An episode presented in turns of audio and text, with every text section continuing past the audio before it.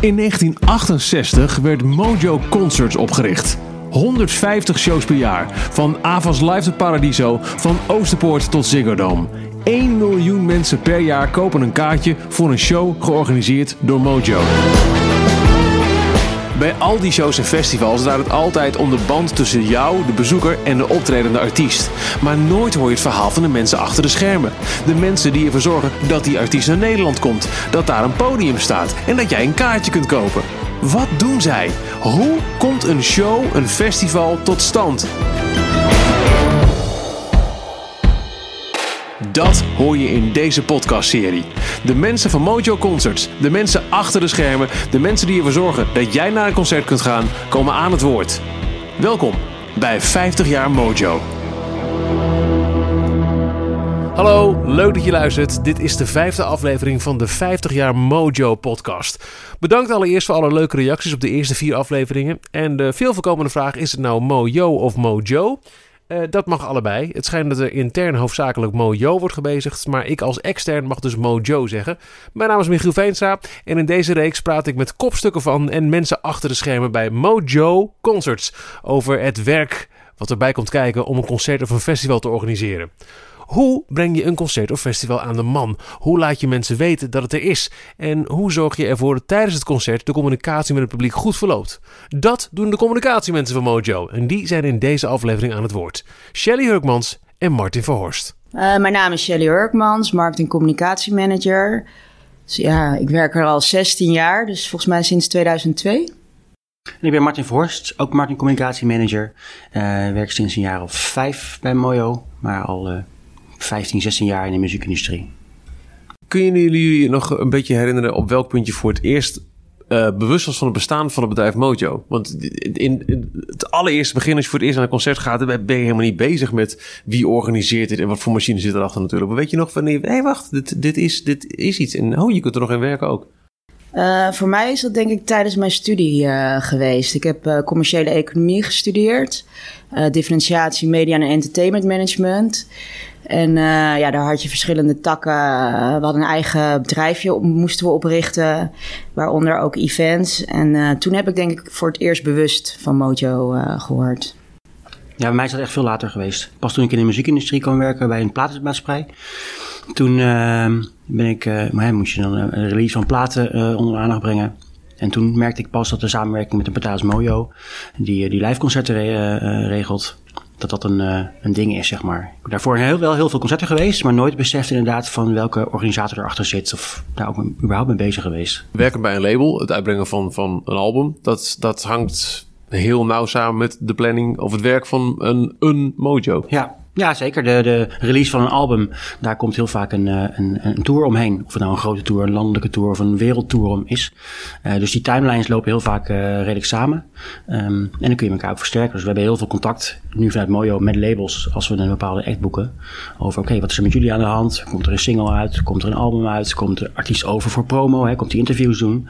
En kunnen wij daar voor het concert ook wat mee? Wat doen jullie eigenlijk? wat doen we eigenlijk? Zorgen dat concerten uitverkocht raken. in ieder geval, dat eh, hopen we dan. Nou ja, wat, wat, wat doen wij? wij eh, de shows worden bij ons op de afdeling verdeeld qua marketing communicatie. Eh, vervolgens nemen we inderdaad contact op met het label. Kijken of er iets rondom de artiest speelt er iets. Komt er een nieuw album, nieuw single? Mediapartner, heeft het label daar nog een belang mee? Of we hebben sowieso nauw contact met, met het label. Dan gaan we op zoek. Vinden 538 bijvoorbeeld pas of Q Music of 3FM. Ehm, ja, en dan eh, wordt er een marketingplan eh, gemaakt, eh, geschreven. Die wordt voorgelegd aan de agent. De agent legt het voor aan het management. als daar akkoord op komt, kunnen we die uit gaan werken of uit gaan rollen.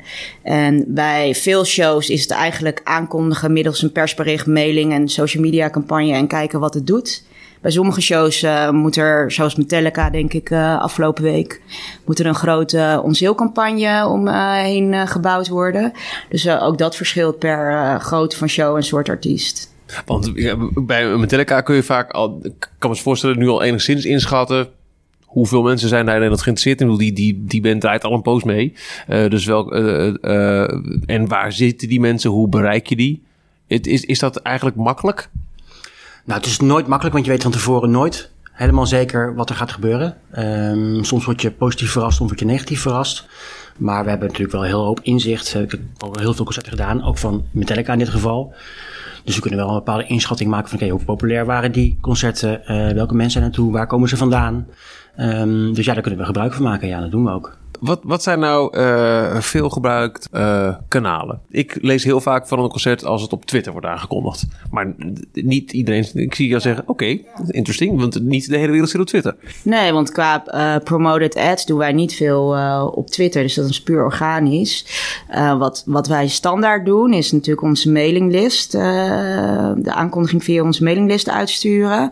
Plus een social media campagne op Facebook en meestal ook Instagram. Ja laten we erbij pakken, Metallica. Dat dan, dan krijg je dan een, uh, de meest recente foto van, van de band? Of, uh, nou, Metallica is wel wat uh, bewerkelijker dan een reguliere show. Maar Martin heeft die. Nou ja, misschien is het ook wel goed om, om, nog één stapje terug te gaan. Kijk, we worden natuurlijk in de zalen van de, hè, de Peppel in Zeist tot aan uh, Buk Buk in Heilo, tot aan Goffertpark en uh, Amsterdam Arena. Daar wordt een, muzikaal programma uh, neergezet.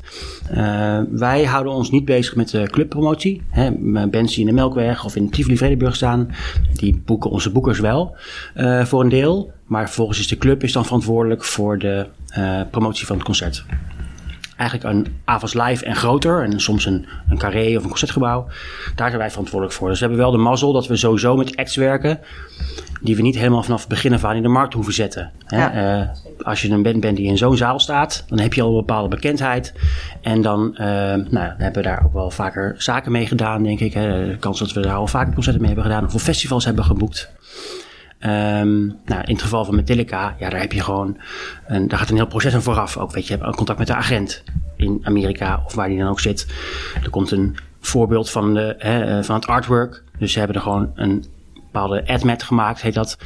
Waarin staat hoe het eruit moet zien. En het enige wat je dan toevoegt is, in plaats van de, de x'jes, zeg maar, maak je, uh, nou in dit geval, uh, de datum 11 um, juni 2019, Johan Cruijff Arena Amsterdam van. Die laten we dan goedkeuren. En als er ook maar iets niet helemaal klopt met hoe, hoe zij bedacht hebben, dan gaat hij terug en dan moeten we het opnieuw maken. Dus dat is helemaal tot in de puntjes verzorgd. Zo willen we dat het eruit ziet. Heel stomme vraag, maar er kan toch niet zo heel veel fout gaan aan een datum en een uh, locatie invullen? Nee, nee, in principe niet. Maar het zou kunnen. Kijk, wij hebben heel vaak in ons artwork willen we het mooie logotje erin hebben staan. Nou, vaak probeer je dat. Uh, soms mag het niet, soms mag het wel. Oh. Um, dus dus, dus uh, in principe uh, willen ze alles, hoe makkelijk het ook lijkt, willen ze alles ter goedkeuring zien. Nou ja, ook omdat wij natuurlijk redelijk uh, we zijn professioneel en we, het is inderdaad zo van nou, een van de datum en de, en locatie toevoegen is het klaar. Maar ik kan me ook voorstellen dat over, over de wereld verspreid wat andere bureaus zijn die er misschien wat minder uh, precies op letten. En daarom houden ze gewoon, je moet je voorstellen, het één kantoor in Amerika, zeg maar. Die moet al die admets van al die verschillende landen moet die goedkeuren. Uh, dus dan hebben ze gewoon heel strak één lijn. Oké, dit is hoe het eruit moet zien. En als er ook maar iets anders is, gaat het terug en moet het anders. Nou ja, en vervolgens krijg je persfoto's. Je krijgt heel vaak bij die grote ex ook al een persbericht. Wat je dus moet vertalen.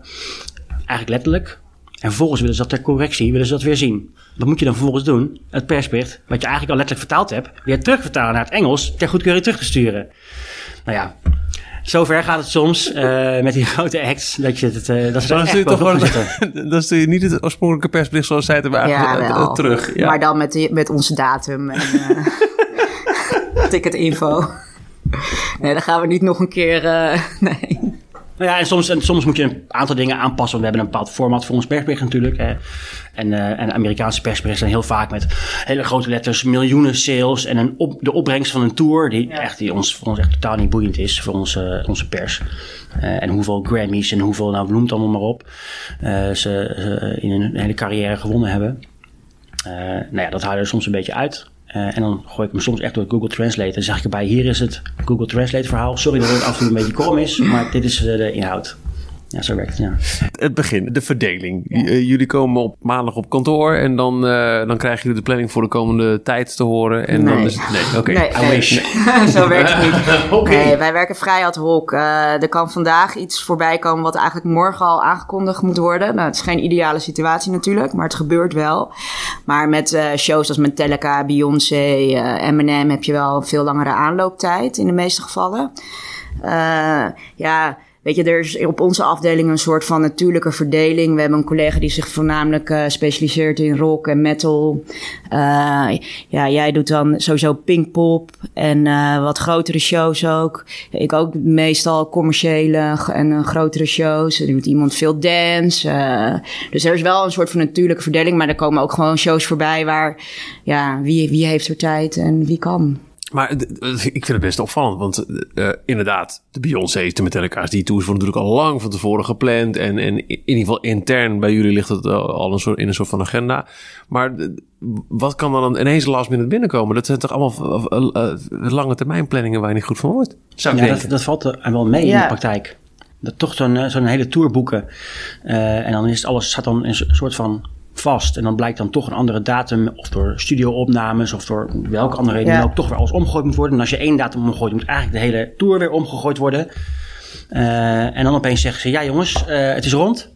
Morgen, we gaan aankondigen. Ja, morgen aankondigen. Dus dan moet iedereen in de stress en dan moet de data aangepast worden. En dat zijn de momenten waarop je echt scherp moet zijn. Want dan heb je nog een oud artwork liggen hè, van uh, eh, 5 januari, uh, de show. En dan gaat er alles om. En dan moet je zoveel dingen tegelijk doen. Dat je niet moet je oppassen dat je niet opeens het, uh, het artwork van 5 januari, terwijl de show verplaatst naar 7 januari, de wereld instuurt. Ik heb dat met Rihanna gehad. Even kijken, haar laatste show naar Arena of dan weet ik niet meer. Maar um, tuurlijk speelt dat al heel lang. Maar dat wordt dan vijf keer verplaatst die aankondiging. En ineens tijdens Night of the Proms notabene krijgen wij s'avonds een berichtje... het moet nu aangekondigd worden. Dus dan heb je eigenlijk niet eens tijd om een persbericht te vertalen. Dus uiteindelijk hebben we gewoon het internationale persbericht maar uitgestuurd... met alleen een uh, kop van Rihanna komt naar... volgens mij was het Arena. Nou ja, en dan, uh, en dan de volgende dag maar weer verder met uh, media deals en, uh, en dergelijke. Of wat jij ook al gehad ja. met Beyoncé volgens mij en met Justin Timberlake. Dat het een show aangekondigd wordt na de Super Bowl. Oh ja, ja dat heb ik ook wel heel Dan weet je wel van tevoren. Maar dan moet je wel s s'nachts om drie uur je persbericht uitsturen. Ja. En, en vervolgens kijken, is het dan handig om de socials mee te nemen? Of doe je dat de volgende ochtend? Ja. nou ja, dat soort gekke dingen zitten er wel tussen. Het komt meermalen voor dat er een concert wordt aangekondigd dat zo populair is dat meerdere radiostations, tv-zenders en andere potentiële mediapartners maar wat graag willen aanhaken en met hun logo op de kaartjes en de poster willen en dat zij als enige exclusief kaarten mogen weggeven voor dat concert. Ja, daar heb ik heel vaak mee te maken. Dat is af en toe best lastig. Hè, bij de Beyoncé's en uh, Justin Timberlake's. En nou, Adele heeft Martin gedaan. Er was geen media, die wilde gewoon geen mediapartner. Dat is eigenlijk een hele goede oplossing. Ja, juist ja. om die strijd tussen, ja. uh, te voorkomen tussen radiostations. Ja, je moet toch kijken naar het belang van, van de, de show eigenlijk. Kijk, het label heeft natuurlijk um, een uh, langdurigere samenwerking met de artiest. Bij ons is het op dat moment die show die we moeten uitverkopen. En natuurlijk overleg je wel met het label. Ja, je moet verschillende belangen af gaan wegen op dat moment. Om tot een goede keuze te komen. Ja. En wie, wie uh, welk station geeft je het beste uh, exposure ja, voor dat die Moet je ook pitchen of zo? Soms wel, ja. Ja, soms vraag je gewoon voor meerdere partijen vraag je een voorstel van oké, wat kun je dan doen uh, voor zo'n zo'n samenwerking? Natuurlijk een beetje gunfactor bij af ja. en toe. Dat is heel veel vlakken telt dat tellen mee. En soms weet je het meteen al. Bijvoorbeeld bij M&M wist ik al meteen oké, dat ga ik met 538 doen. Dus dan heb ik ook alleen hen voor een uh, voorstel uh, gevraagd. Voelt het als jullie verantwoordelijkheid of een, uh, een show uitverkoopt? Um, nou, dat vind ik wel een heel lastige vraag, moet ik eerlijk zeggen. Soms wel. Ja. Soms wel. Ja. Ja. Je gaat er sowieso vanuit dat je natuurlijk alles uh, aan doet om die show uit te verkopen. En via de juiste middelen. Uh, dus in die zin ja, heb ik altijd wel het gevoel dat ik er alles aan. Uh... Voor alle duidelijkheid, jullie bepalen niet wie, wanneer, waar staat. Jullie krijgen te horen: oké, jongens, we hebben, nou, in dit geval we pakken we bij Metallica, Johan Cruijff Arena, ja. die dag. Ja. Succes.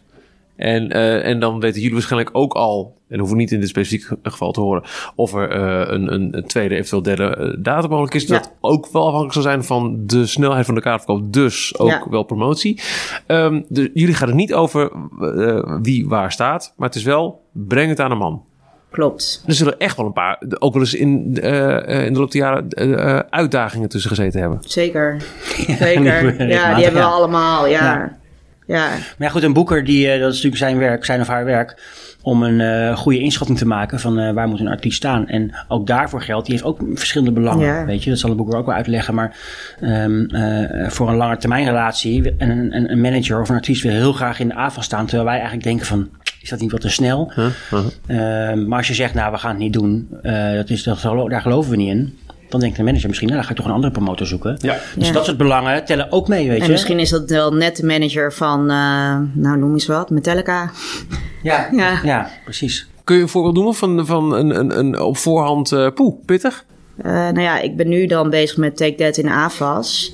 En eh, ik vond zich dan wel een uitdaging de vorige keer. Zonder Robbie Williams. Hoe pak je dat dan aan? Want dan denk je, oké, let's Nou ja, bring out the big guns. Nou ja, sowieso ga je natuurlijk gewoon het netwerk van eh, en Take That, alle fans van Take That, maar ook van Robbie Williams. En die heeft natuurlijk wel een hele grote fanbase.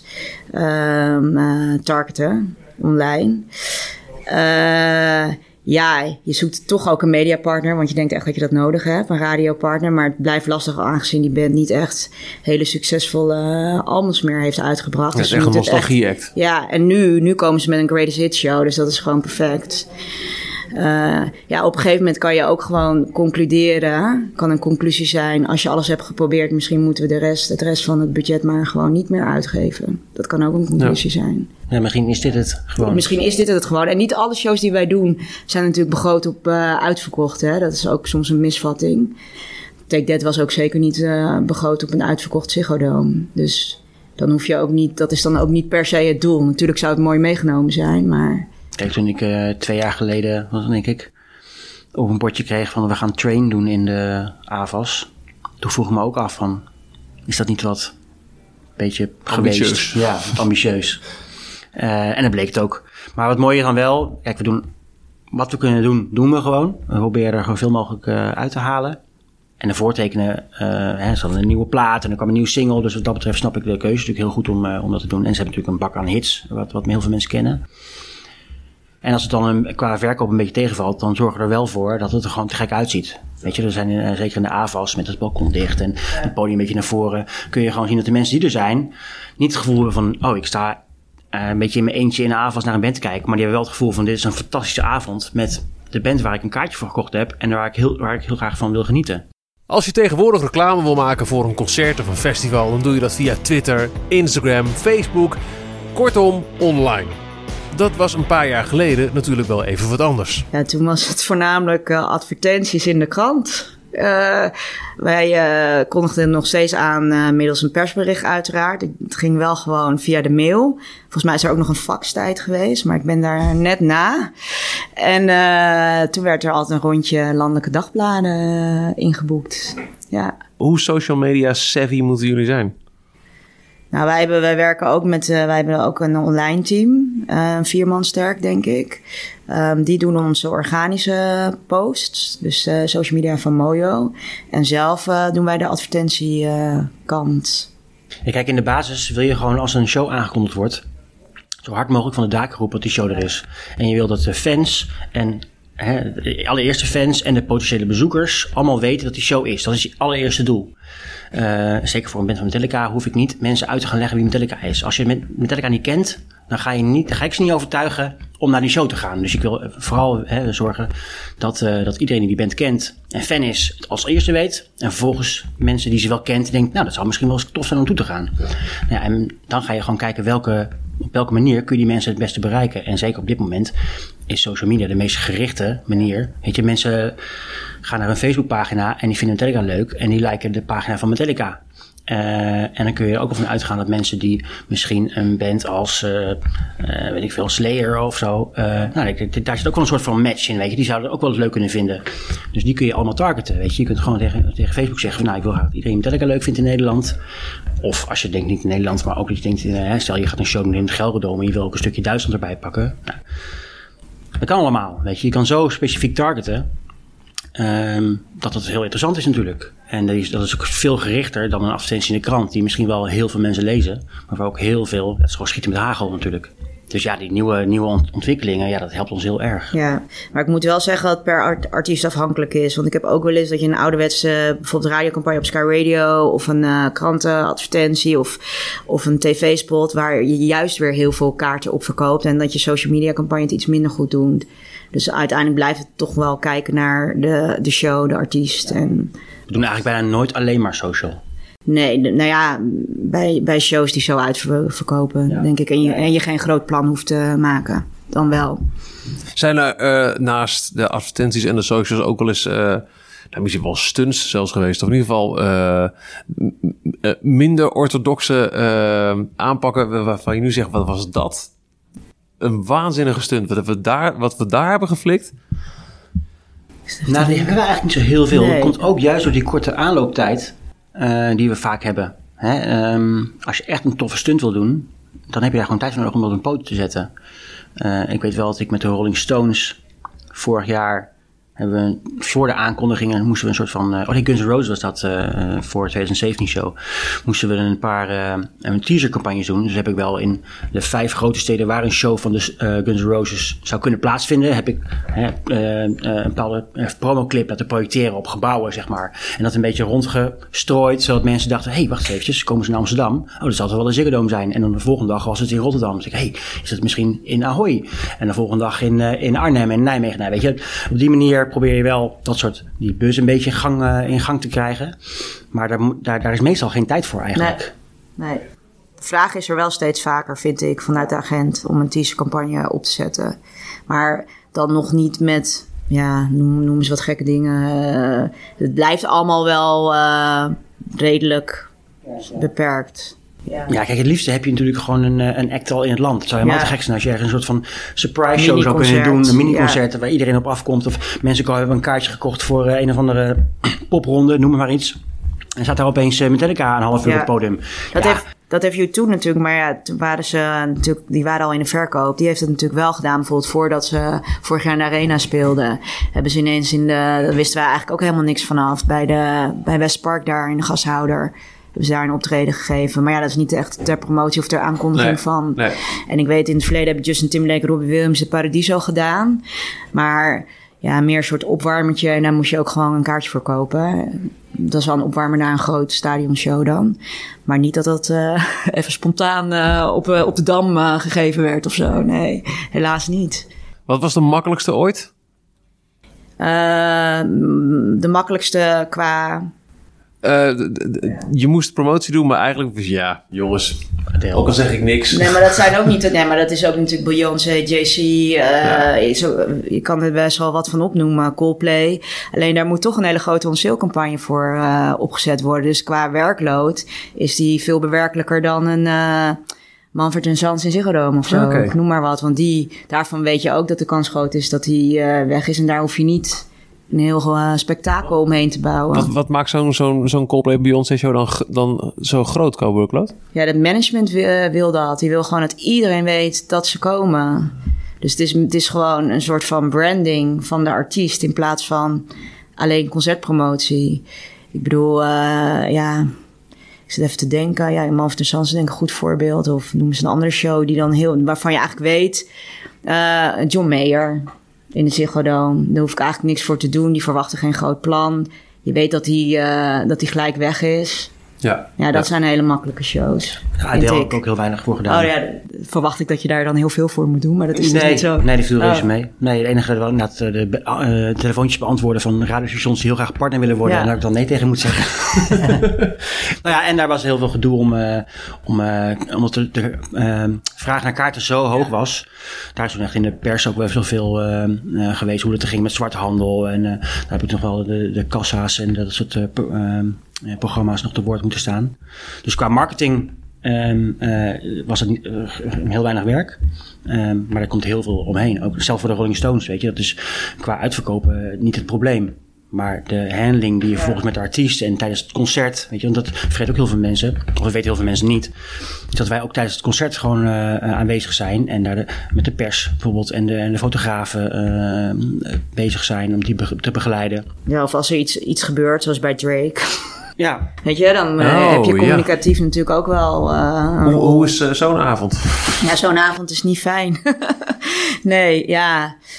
op dat, volgens mij was het inmiddels zijn derde show, denk ik. Dus ik was gewoon thuis.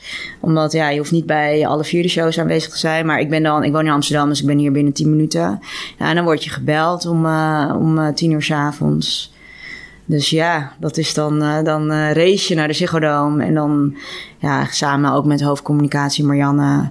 Uh, ja, maak je dan een plan hoe je dat naar buiten brengt. Wat mag je naar buiten brengen? ja, dat was een hele hectische avond. Want dan, dan, staan ja. hier ook journalisten. Moet je, of Nee, moet je ook de mensen helemaal- te woord staan? Of, Nee, er staat eigenlijk niemand. Want iedereen is al geweest. Journalisten komen allemaal de eerste dag. Nou, de eerste showdag was eh, gelukkig al achter de rug. Dus het is meer de dag daarna hebben we de hele dag pers over de vloer eh, gekregen. En de boeker Kim, die heeft de woordvoering daarvoor gedaan. En die is ook het podium toen opgegaan. Om eh, aan het publiek te melden dat hij ziek was en niet kwam. En ja, je gaat natuurlijk ook meteen in de regelmodus. Wanneer komt hij dan wel? Want je wil eigenlijk meteen je boodschap helemaal compleet hebben. Wat natuurlijk niet kan, maar wel zo snel mogelijk. Dat je mensen meteen nieuws kan brengen. Oké, hij, hij is ziek, maar overmorgen staat hij er wel. Of, ja. ja, het vervelende aan deze situatie was dat hij al twee keer verplaatst had. Ja. Dus dat is wel echt eh, een van mijn eh, ja, meest interessante shows, denk ik, geweest in de afgelopen 16 jaar. Ja. We hebben ook een, eh, een show van de, van de Cranberries in Carré gehad. Die ook op het allerlaatste moment afgezegd was. Toen eigenlijk tot de helft van de zaal al gevuld was, was zij, eh, was, eh, was zij ziek. Eh, en dan zijn er op een gegeven moment ook ja, mensen zijn nog onderweg naar de zaal. En dan ook afvragen, ja, hoe moet je dit communiceren, weet je? En op een gegeven moment heb ik toen Radio 2 eh, gebeld. Van ja, kunnen jullie dit misschien ook op de radio, op zender even zeggen, weet je? Dat mensen in de auto zitten en misschien dan al weten van... Ja, het heeft geen nut om nu naar de zaal te komen. Maar je gaat inderdaad in een regelmodus Ja. van... Oké, wat moeten we nu doen? Wie moet het allemaal weten? Eh, eh, hè, zijn er mediapartners die dit moeten weten? Eh, nou ja, dat is echt, een, eh, echt wel even een gekke huis. Want dat lijkt me wel een uitdaging. Er zullen niet heel veel mensen zijn die per se Twitter, Instagram, Facebook-account van Mojo Concert volgen. Nee. Maar wel van die artiesten. Maar dan moet je daar ook maar net je ingang hebben. Dus hoe, hoe, maak je, hoe, hoe, hoe bereik je die mensen met jullie boodschap? Nou ja, Nou ja, we hebben natuurlijk, ehm, ons, omdat onze kaartverkoop eigenlijk in principe allemaal online gaat, kunnen wij die mensen ook allemaal bereiken. Dus wij sturen ook altijd vooraf, voor een show, sturen wij iedereen die een kaartje gekocht heeft, sturen wij een mail met alle laatste informatie. Eh, en dat is het gewoon het grote voordeel van eh, online verkoop. Ehm, en je kunt, waar, waar eh, als mensen een 06-nummer hebben opgegeven, kun je ze ook nog een keer een sms sturen in dit soort noodgevallen. Ehm, dus ja, dat is het grote voordeel daarvan, weet je. En als je het een dag van tevoren, of, dan kun je iedereen een mail sturen, jongens, het is afgelast. Of het wordt verplaatst, of er is iets aan de hand. Ehm, dus dat, dat, dat, Ja. dat doen we wel. Ja, die situatie dat het echt op de avond zelf eh, gebeurt, zoals bij Cranberries en Charles als voor en we hebben een keer Shakira gehad. En zo zijn er denk ik nog wel meer voorbeelden. Ja, dan, dan, dan moet je eigenlijk gewoon het journaal bellen of zo. Of gewoon net zoals dat jij Radio 2 bij Charles als voor heb ik NOS gebeld. En eh, ja, da- daar bereik je denk ik dan op dat moment de meeste mensen eh, mee. En je moet zorgen dat je gewoon een heel begripvol iemand bij de deur hebt staan. Ja. Die ze heel rustig kan uitleggen wat er aan de hand is. Dat het ons ontzettend spijt, maar dat we niks aan de situatie kunnen veranderen. Ga lekker terug naar huis en we informeren je over hoe het verder gaat. Je, dat is ook, nee, naast marketing is communicatie ook eh, een groot deel van ons ja. vak. Dus elke communicatie met een, eh, met een bezoeker, die, eh, dat doen wij in principe ook. En dat zou bijvoorbeeld ook gelden voor als er een, eh, eh, iets met openbaar vervoer is die avond. Ja. Of, dat, is het, al- dat zijn allemaal zaken die ook op Ja. jullie eh, takenpakket... Ja, in principe weten wij dat van tevoren. We hebben ook contact met NS en dergelijke. Dus dan informeren we onze kaartkoopers ook van tevoren in die praktische infomailing waar Martin het over had. Maar ja, als er iets op de avond zelf eh, gebeurt, dan gaat het via de schermen in de zaal. Ja. Of desnoods wordt het omgeroepen als het echt heel belangrijk is. Ik kan me nog eh, de avond herinneren, ik weet niet of, of eh, jullie daarmee te maken hebben gehad, maar eh, de Killers in... Hier, AFAS? of zeker? ja. Wel klopt. bij de IKEA-bommelding. Ja. eh, dat was een leuke avond. Ja, die eh, co- collega Angelique eh, heeft die toen gedaan. Ja, Wie wordt er als eerste op de hoogte gebracht van jongens, er is wellicht een probleem? productiemanager, denk ik. Vermoed ik. En die moet dan meteen de boeker inschakelen, want die is eigenlijk projectmanager van de show. En dan meteen communicatie uit CMTE komt dan eh, bij elkaar. Calamiteiten. Ja, het en die gaat dan meteen eh, samenkomen om te kijken, oké, wat is precies aan de hand? Wat moeten we gebeuren? Eh, wat kunnen we doen? Ehm, en hoe gaan we het communiceren? Want eigenlijk is dat niet de mensen die op de vloer werken. Dus als ik de killers had gedaan, zit ik niet in het calamiteitenteam. Want dat is gewoon niet handig. Dus er is altijd eh, iemand naast de markt- en communicatiemanager. Is vaak Marianne, hoofdafdeling communicatie, dan nog thuis standby voor eventuele calamiteiten.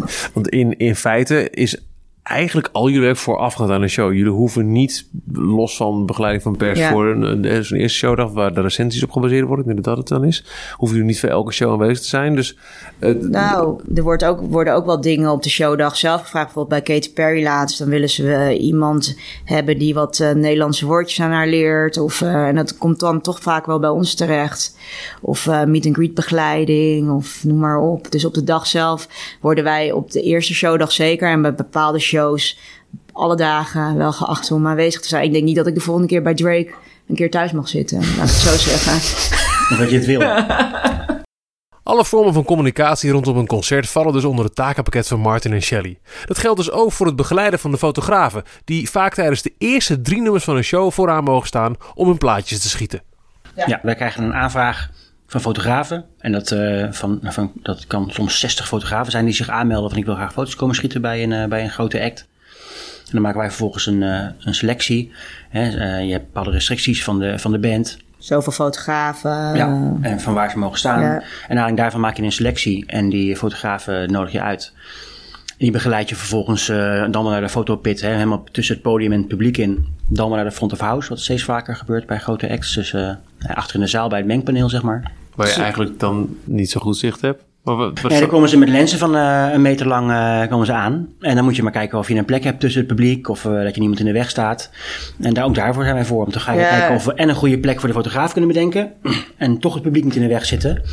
Ehm, en zorgen dat ze na één, twee of drie nummers, eh, een aanlaag lang hoe hoeveel mag, om ze weer eh, het pand uit te begeleiden. En steeds vaker moeten ook contracten getekend worden. Dus we moeten er ook voor zorgen dat die contracten getekend zijn en ingeleverd worden bij de tourmanager. Dus dat gebeurt ook eh, op de avond zelf dan vaak. Het is heel grappig, want soms sta je... Ik sta meestal bij de fotografen in die fotopit vooraan. En dan sta je altijd naast de, naast de basbox ongeveer. Ja, Dat je af en toe echt om je heen moet kijken en jongens, is het derde nummer nou al geweest? Ja. Of is dit het derde nummer? ja nu eh, bij de Chemical Brothers volgende week heb ik dan eh, ook een tijdsindicatie gekregen van 10 minuten. Twee nummers, maar dat is ongeveer 10 minuten. ja. En Bij Tom York was dat ook niet te doen in Carré. Om dan eh, te weten wanneer, die, eh, wanneer het vierde nummer eh, begon. Jullie weten vast ongetwijfeld wel een klein beetje waarom is dat? Wat, hoezo die drie nummers? Wat, wat, wat Ja. is het punt? Ja, je zet het publiek in de weg. Ja. En daarnaast, ehm, kijk, na aan het eind van een show gaat een artiest gaan zweten. Grote, Ja. nee, je ziet er niet meer uit zoals je uit de maquillage kwam eh, uit de- bij het begin van het concert. Dus ik kan me voorstellen dat je er ook zo florissant mogelijk uit wil zien Ja. eh, op de foto. Ehm, dus ja, op een gegeven moment is het na drie nummers is het ook wel genoeg vaak. Als je dan een fotograaf niet hebt, dan eh, ga je de hele show niet meer krijgen, denk ik. Maar en, en zeker de grote artiesten, die, die, die anticiperen er ook op. Hè. Die gaan bepaalde poses aannemen en dan weet je Ja. dan, dit is de money shot. En dan weet je van de fotograaf, die hebben allemaal hetzelfde, hetzelfde shot dan. Want die weten dan, oké, dit is hem. Maar krijg je dat van tevoren ook eh, door van management? Joh, geef even door aan een fotograaf dat rond hier en hier, dan gebeurt dit en dit? Bij Justin Timberlake helaas heb ik dat wel doorgekregen, maar vaker niet dan wel. In ieder geval mijn ervaring. Nee, meestal niet. Ik heb bij die antwoord wel gezien dat ze zeiden van, ze mogen niet in het midden staan, want bij nummer drie duikt hij het publiek in. Eh, nou ja, dat is natuurlijk superleuke informatie voor de fotograaf, want die weten dan dat ze bij het derde nummer klaar moeten staan Ja. voor, de, voor hun money shot, zeg maar. Maar meestal is het gewoon eh, een afwachten. En trouwens ook nog een reden is dat sommige bands, eh bedenk me net, die hebben ook eh, pyro, hè, dus vuur en, en CO2 en confetti en zo. Dan word je wel gewaarschuwd. En dan word je meestal Ja, wel gemaakt. ja, niet. Maar ja, dan moet je ook gewoon eh, Ja. weg zijn natuurlijk, want dat is Ja. gewoon niet eh, optimaal. Het is niet alleen zo dat de communicatieafdeling van Mojo contact zoekt met het publiek. Het kan ook andersom. Dat het publiek wat wil weten van Mojo. Nou ja, daar hebben wij sinds, eh, hoe lang? Een jaar of zo? Twee jaar? Hebben wij um, eh, samenwerking met LiveCrowd. En eh, die beantwoorden eigenlijk gedurende de hele show en voorafgaand en daarna alle vragen van het publiek. Dus dat kan via de app, social media, noem maar op. En, en, en wat voor vragen moet ik dan denken? Ja, dat kan echt over alles zijn. Ja. En zeker omdat we zelf zo gewend zijn om naar concerten te gaan. Dat kan echt zijn van, ja, mag ik, Mag ik nog naar binnen? mag ik nog naar binnen? Ja, precies. Als de show om acht uur begint, mag ik dan nog om half negen nog naar binnen? Weet je, dan denk ik, ja, natuurlijk. Weet je, je mag tot het einde naar binnen in principe. En wat mag ik meenemen? Hè? Tot een camera, paraplu, rugzakken, nou, ja, noem het allemaal maar op. Zeker bij shows als, van acts als, als One Direction, weet je. Ja. Ja. mag ik dan een knuffel meenemen? En hoe groot mag die knuffel dan zijn? En mag ik een spandoek? En wat Is mag er een eerste staan? vak? Mogen we dat reguleren? Eh, weet je, dat ze zelf eh, nummertjes gaan uitdelen aan elkaar. Wo- wo- wo- ja. Wordt dat dan ook uitgevoerd? Dat vinden ze natuurlijk heel belangrijk, want je gaat hier niet om vier uur s'nachts liggen en eh, dat je vervolgens niet in het eerste vak terechtkomt. Uh, ja, en, en heel, op, qua social media is het heel veel als een show uitverkocht is. Ja. Dat ze echt boos zijn. Van nou, hoe kun je nou, gaan, komt er nog een show en waarom niet? En wat is toch ook een rot systeem? Want ik kom er niet doorheen. ik heb een uur in de wachtrij gestaan. Ik, ga, ik zit liever in een slaapzak voor het postkantoor. Oh ja. Um, en wat zeg je dan? Nou ja, grappig. Bij Adele toevallig hebben we, uh, juist omdat we, moeten uitleggen hoeveel mensen daar wel niet uh, in de wachtrij hebben gestaan. We geven eigenlijk nooit echt aantallen. Hebben we toen uitgelegd van nou, als we als je in je slaapzak voor de postkantoor had gelegen, dan hadden we een rij gehad van Centraal Station Amsterdam tot aan Berlijn. En uh, alleen de mensen van Centraal Station tot aan, nou ik weet niet meer wat het was, Hilversum geloof ik, die konden erin. Dus dan heb je een beetje een inzicht van ook daarvoor uh, ja, de vraag is gewoon te groot voor het aantal tickets dat er is. Dus welk, welk systeem je ook bedenkt, niet iedereen kan erin. Je, uh, en dat probeer je dan op zo'n vriendelijke mogelijke wijze uh, duidelijk te maken. Mensen van ja, het, het, is gewoon niet anders, weet je. Um, dit is gewoon een hele populaire artiest, een hele populaire show. We hebben niks aantal plekken. Ja, dan is het gewoon op. Heb je wel eens een, een situatie meegemaakt waar je gewoon echt ook geen antwoord hebt? Nou ja, als een show, als een show gewoon echt heel slecht is. In de arena vroeger hebben we natuurlijk ook genoeg kritiek uh, gehad op uh, het geluid daar. En daar hebben natuurlijk wel allemaal dingen zijn eraan gedaan. Uh, of als, als een act een slecht geluidsman bij zich heeft. Weet je, dat ga je ook niet zeggen natuurlijk. Van nee, het lag aan de geluidsman van... Zoek het uit. Ja. Nee, als iemand een klacht heeft, is ja. het natuurlijk niet per definitie gezegd dat die klacht onterecht is. Nee. Er zijn genoeg uh, klachten.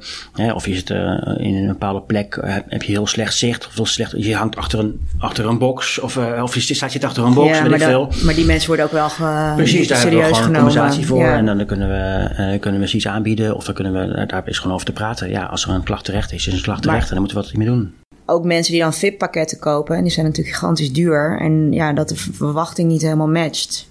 Ja, daar kan je eigenlijk uh, niet zoveel uh, nee. aan doen. Ja, als jij daar een hele andere voorstelling van had. Ja, dat is lastig. Ja, maar we kunnen ook wel een beetje filteren Ja. wat, wat echt een gegronde klacht is. En uh, we hebben zoveel gekke dingen over, ook over Guns N' Roses een keertje. Dat iemand bij net buiten de Golden Circle stond, op, dat is op 40 meter afstand. Die had dan een, een, een microfoon van Exo op zijn hoofd gekregen. en die wilde de band aanklagen. Maar die kon zelf geen Engels. Dus die bleef ons maar Nederlandse brieven sturen. En of wij die dan wilden vertalen en naar de band wilden sturen. Ja, op een gegeven moment daar is daar gewoon geen, dan kun je daar niet meer over praten met zo iemand, weet je. Nee. Dan moet je dat maar een beetje, uh, ja, met, met een uh, af laten lopen. Ja. Want ja, dat werkt gewoon niet. Maar als iemand uh, komt en, en het geluid was slecht, of inderdaad zijn zitplek was niet, kon hij niet goed zien, ja, dan gaan we daar gewoon, en ik vind het alleen maar goed. En ik denk Ja, dat wij daar, zeker. en een klant uh, weer tevreden kunnen maken op een bepaalde manier. Uh, en kunnen leren voor in de toekomst. Ja, ik vind het alleen maar goed dat we daar. Uh... Wat, wat, wat, kun je daar aan doen? Kijk, bijvoorbeeld een slecht geluid. Want het geluid is gewoon echt slecht. Je kunt niet zeggen dat we doen het volgende week nog een keer over. Nee. Nee, maar goed, wat ze in de Marina natuurlijk gedaan hebben, is, is daar hebben ze gewoon een hele installatie bedacht in het dak. Waardoor er minder galm is. Uh, en hè, wat iedereen nog, nog denkt van die galmbak, de, inmiddels Johan Cruijff Arena, ja, daar is echt significant wel iets uh, verbeterd. en dat zijn dingen die we gewoon gedaan, of die gedaan zijn, naar aanleiding van, van toch wel berichten en klachten van, van bezoekers. Kijk, een artiest kan ook een keer niet goed bij stem zijn. Hè? Dat is hetzelfde als dat, dat de geluidsman misschien ja, beter zijn werk had kunnen doen. Het blijft natuurlijk mensenwerk. Wij kunnen daar natuurlijk niet zoveel aan doen als organisatie. Nee, we hebben een tijdje terug ook Kenny Rogers hier gehad. Oh ja. En het was gewoon echt abominabel slecht. Het was gewoon, die man was gewoon echt eruit om op te treden. Dus daar hebben ook heel veel klachten over gekregen. We hebben ook gezegd, nou we zullen beloven dat we die man niet meer zullen boeken. Maar dat was ook goed, want het was een afscheidstournee. Dus dat konden we makkelijk zeggen. Nou ja, sommigen hebben vijf keer een afscheidstournee. Ja, wie weet. Ik verwacht niet dat hij nog terugkomt. Ja, ja, ja. Nou, dan wel, dan moeten we het er alsnog uitknippen. Ja. ja, of mensen die de show te kort vinden, weet je wel. Ja, uh, sommige hip-hop acts en zo, ja, die duren maar 70 minuten of zo. Dus even te denken welke show dat nou was. En nou hoor je lang verleden, in ver verleden. Ja, ik weet het niet meer, maar dan krijg je heel veel uh, uh, reacties dat het gewoon echt te kort is. Ja, ook daar. Uh, als het goed is, spreken we wel minimaal, minimale duur af, vermoed ik. Maar ja, of het 70 minuten duurt of twee uur. Wat zijn een paar van de, van de meer memorabele shows waar jullie waarvan, waarvan je nog weet uh, wat we daar hebben gedaan. Echt te gek dat ik daar mee mocht werken. Ja, ik vond natuurlijk heel recent Beyoncé JC. Dat vond ik gewoon echt helemaal te gek. Ja, de Rolling Stones uh, vorig jaar. Dat was waanzinnig om aan, te werken. Om met die uh, legendary band aan de slag te mogen. Dat is natuurlijk te gek. En, en uh, ja, zoals je misschien weet, doet Mick Jagger op het podium heel veel wat Nederlandse teksten. En ja, daar heb ik hem mogen helpen om dat te vertalen en zo. En, het leuke is, zo'n grote band, die kan ook gewoon een uurtje, twee uur op het podium staan. En dan nou te gek allemaal. Maar hij neemt echt de tijd om. Hij wil echt heel veel weten over Nederland. En over wat er speelt, politiek, cultureel. En, en, en daar wil hij dan op aanhaken met dat Nederlandse tekst en zo. Ja, dat was echt heel bijzonder om, om dan daar aan, aan bij te mogen dragen. En dat je dan in het publiek staat. En dat, hij dan, dat je hem hoort zeggen wat je hem hebt ingefluisterd. Weet je, dat is, Dat, ja, dat is, dat is waanzinnig, waanzinnig. Ik, ik vind sowieso werkmatig al die grote shows, ook in het Gofferpark of Malieveld of Arena, een hele andere belevenis hebben of zo. Het is echt een soort van bijna een klein festivalletje, wat het natuurlijk niet is, maar qua werk en op locatie wat je daar te doen hebt en zo. Ja, dat vind ik altijd wel. Juni is altijd een leuke maand wat dat betreft. Ja. ja. ja. Hoe denk je dat jullie uh, uh, werk de komende jaren uh, gaat veranderen? Los van het feit dat, dat, dat er zijn altijd weer nieuwe grote social networks die opkomen. Ja. nu, nu ja, Facebook is super belangrijk nog steeds, maar er roepen ook mensen, oh, dat is dood. Dat ja. roepen ze ook al tien jaar, maar goed. hoe, hoe denk je dat je over 10, 15 jaar een, een show aan de man brengt? Zo. Ja, ik denk dat het in de basis nog steeds een beetje hetzelfde is. Uh, van al die dingen waarvan mensen zeggen het is dood. Uh, Facebook, maar ook radio, weet je. Dat zeggen ook heel veel mensen. Ja. Dat is nog steeds een hele belangrijke uh, outlet voor ons. TV, um, auto. Natuurlijk ja, precies. En natuurlijk uh, zullen die daarbinnen wel dingetjes nog veranderen. En is misschien Facebook dan wel dood, maar er is er wel weer iets nieuws. Uh, mensen blijven het op een of andere manier gewoon heel leuk vinden om hun leven te delen. En te laten zien dat ze onwijs fan zijn van een bepaalde band. En als zolang dat gebeurt, uh, denk ik dat wij die mensen op een bepaalde manier ook kunnen bereiken. Uh, als je heel hard, heel hard roept, ik, ik ben gek op Metallica, dan horen wij dat. En dan kunnen wij laten zien, nou maar hey, weet je, ze spelen volgend jaar gewoon. Ja, dat zal in de basis gewoon blijven. En, ja. en ook in de stad, weet je, mensen blijven gewoon door de stad fietsen en daar posters zien. Um, ik denk dat er, ja, het is heel gevaarlijk. Want over tien jaar gaan we dit ja. terugluisteren en denken we, oh, we were wrong. Nou ja, ik ben ook gewoon benieuwd hoe management van artiesten er dan over tien jaar uh, omgaan met. Want die hebben natuurlijk ook best wel een rol in of daar veel gaat veranderen. Hoe wij die show moeten aankondigen en in de markt moeten zetten. Wat ik aan iedereen vraag is, uh, ik kan me zo voorstellen namelijk op een gegeven moment uh, als je uh, dit al heel lang doet, het is, het is werk, het is, je, zou bijna blasé worden van het zoveelste concert waar je bij bent. Maar de, in, in de, de basis is voor iedereen, je, je omschreef dat heel mooi, ook voor de mensen die naar train gaan, dat moet een onvergetelijke avond zijn. Er moet, er moet, moet een vonk, er moet iets overslaan. Wat is voor jullie het meest memorabele concert ooit geweest? En dat kan zijn eh, binnen je professionele leven. Het kan ook ver daarbuiten zijn geweest. Dat je, maar welk concert beste ooit? Ja, het beste ooit voor mij is uh, George Michael in Ahoy. Want ik ben gewoon een hele grote George Michael fan altijd geweest. En ik heb hem uh, in mijn jeugd nooit live gezien. En uh, toen in Ahoy ik was het eindelijk zover. Dus ja, nee, ik ben heel, nog steeds blij dat ik dat heb mogen meemaken. toen werkte je wel in, in de ja, muziek? Werkte ik daar wel. Maar hij is volgens mij nooit geweest in die tijd daarvoor, denk ik. Een jaar of 17 volgens mij. Ja, ja. Dus, uh, en het was de Greatest Hits Tour. Later heeft hij nog herhaald in de Arena. Ben ik ook geweest. Ja, nu is hij er niet meer. Dus ik ben wel blij dat ik dat uh, heb mogen zien. Ja. Maar kun je dan op zo'n avond ook loslaten? Ja. Want, want je met heel veel professionele ogen kun je in zo'n zaal staan natuurlijk. Ja, maar het was mijn show niet, dus dat scheelt. Hè? Nou, dat, nee, dat had ik ook niet gewild, dat ik daar zelf dan aan het werk was. Uh, nee, gewoon puur een beetje jeugdsentiment ook. Gewoon genieten. Nou, ik vind gewoon dat hij fantastische stem heeft. Hij is live gewoon ook gigantisch goed. Was. Ja, ik heb daar natuurlijk heel lang over na moeten denken. Want ik heb echt wel heel veel shows gezien. En tot op de dag van vandaag kan ik nog naar een show kijken en echt kippenvel krijgen. Ook puur van de muziek, niet, om, niet eromheen. Maar ik denk de meest memorabele is voor mij toch wel Daft Punk geweest in 2007. Hier in de Avonds Live waar we nu zitten. Uh, ik werkte toen bij het label van Daft Punk. En ik had toen kaartjes gevraagd en dan kun je gewoon, dat kun je gewoon regelen intern, zeg maar, dat je er naartoe mag. En dat was eigenlijk helemaal vergeten. En op de dag zelf uh, zei ze van, hé, hey, uh, vanavond nog Daft Punk. En ik dacht maar, oh ja, shit, nou, ik dacht helemaal niet uit, helemaal geen zin. Nou, ik heb dan een kaartje vooruit dan maar. Nou ja, en de totale euforie van de eerste seconde dat, die, dat, dat ze beginnen tot aan het einde aan toe van mij, maar ook van het hele publiek. Het was zo, zo waanzinnig. En, en, en ook die live plaat die er aanleiding van die tour zeg maar, gemaakt is. Die, waar je zeg maar, het publiek heet het onderdoor hoort. En je afvraagt van is het wel echt? Dat was ook echt zo. Ik heb toevallig vandaag nog eventjes YouTube filmpjes zitten kijken van hele bakkere telefoons uit 2007. Maar je hoort ook overal gewoon het publiek gewoon, want iedereen zoiets had van ja, dit is zo vet. En, uh, en waar, elk, waar heel veel concerten gewoon een soort dipje op een gegeven moment hebben. Of dat je eventjes, hè, even piezen, even bier halen. Even bier halen, Dit is gewoon echt van begin tot eind. was echt, ja, was echt te gek. Ik kan echt, uh, er is niks meer overheen gegaan. Maar wel een slechte avond voor de bierverkoop. Voor, ja, bij, mij is het niet heel verdiend. Tot zover deze vijfde aflevering van de 50 jaar Mojo podcast.